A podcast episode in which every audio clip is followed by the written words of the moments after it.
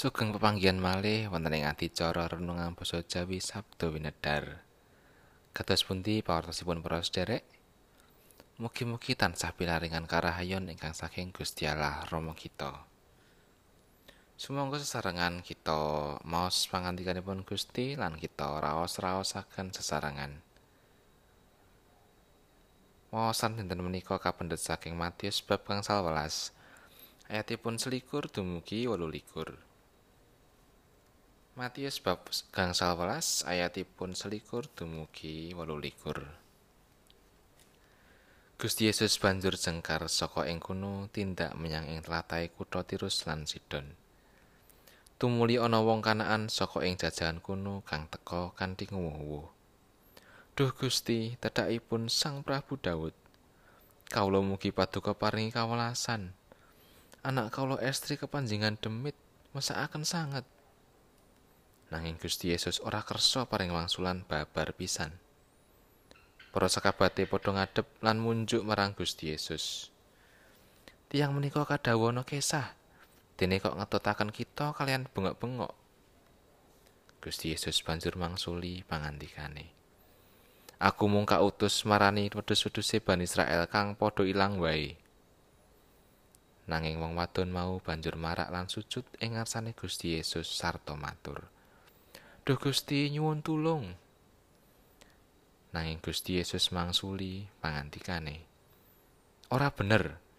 Wong jupuk rotine anak-anak banjur diuncalake marang asu. Atur wangsulane wong wadon. Kasinggihan Gusti. Nanging segawon rak inggih sami nedha cuwil-cuwilan ingkang dawah saking mejaning bunderanipun. Ing kono Gusti Yesus tumuli paring wangsulan pangandikane. He wong wadon, kok gedhe pangandelmu? Mulane katekano apa kang dadi karepmu? Lan sanalika iku uga anake wong wadon mau banjur waras. Ayat nas inggih menika ayat 28b. He wong wadon, kok gedhe pangandelmu? Mulane katekano apa kang dadi karepmu? Renungan dinten menika kaparingan jejer ngandel marang Gusti Allah. Tiang ingkang rumaos kajajah menika mboten sekeca. Awit manahipun mboten saged jenjem.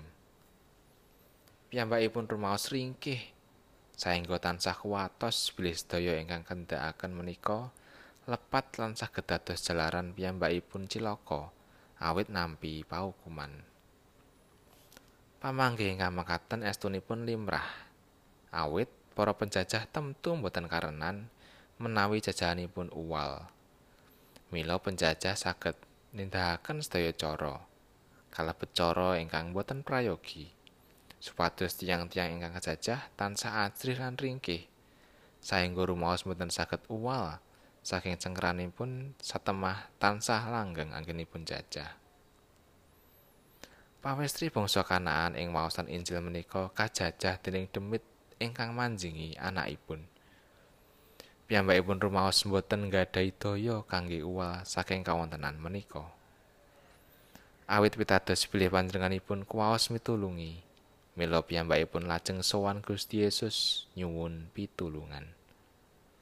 Ing cariyos menika kita manggihaken bilih kejawi nguwalaken anakipun saking jajanipun demit, Gusti Yesus ugi nedahaken bilih saastunipun sinaosa kajajah pawestri menika boten ringkih.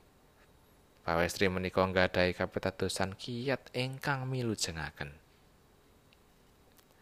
Mardika menika boten namung ateges uwal saking penjajahan utawi pangrehing tiang sanes.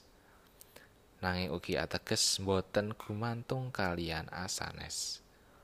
Ateges kamardikan menika mulihaken jati dirining manungsa ingkang katahaken dening Gusti Allah Para iki linangkung saengga gesangipun namung gumantung dhateng Gusti Allah.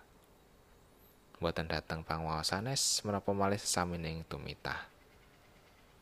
Gusti Allah nalika nitahaken manungsa langkung saking setunggal menika supados dados ruang ingkang sembodo. Mboten kangge nguasani, nanging asung panyengkuyung lan pambiyantu. Kados dene Gusti Yesus ingkang karsa mitulungi lan mulihaken jati dirining sesami minangka titahing Gusti Allah ingkang prayogi linangkung. Menika timbalaning gesang kita. Amin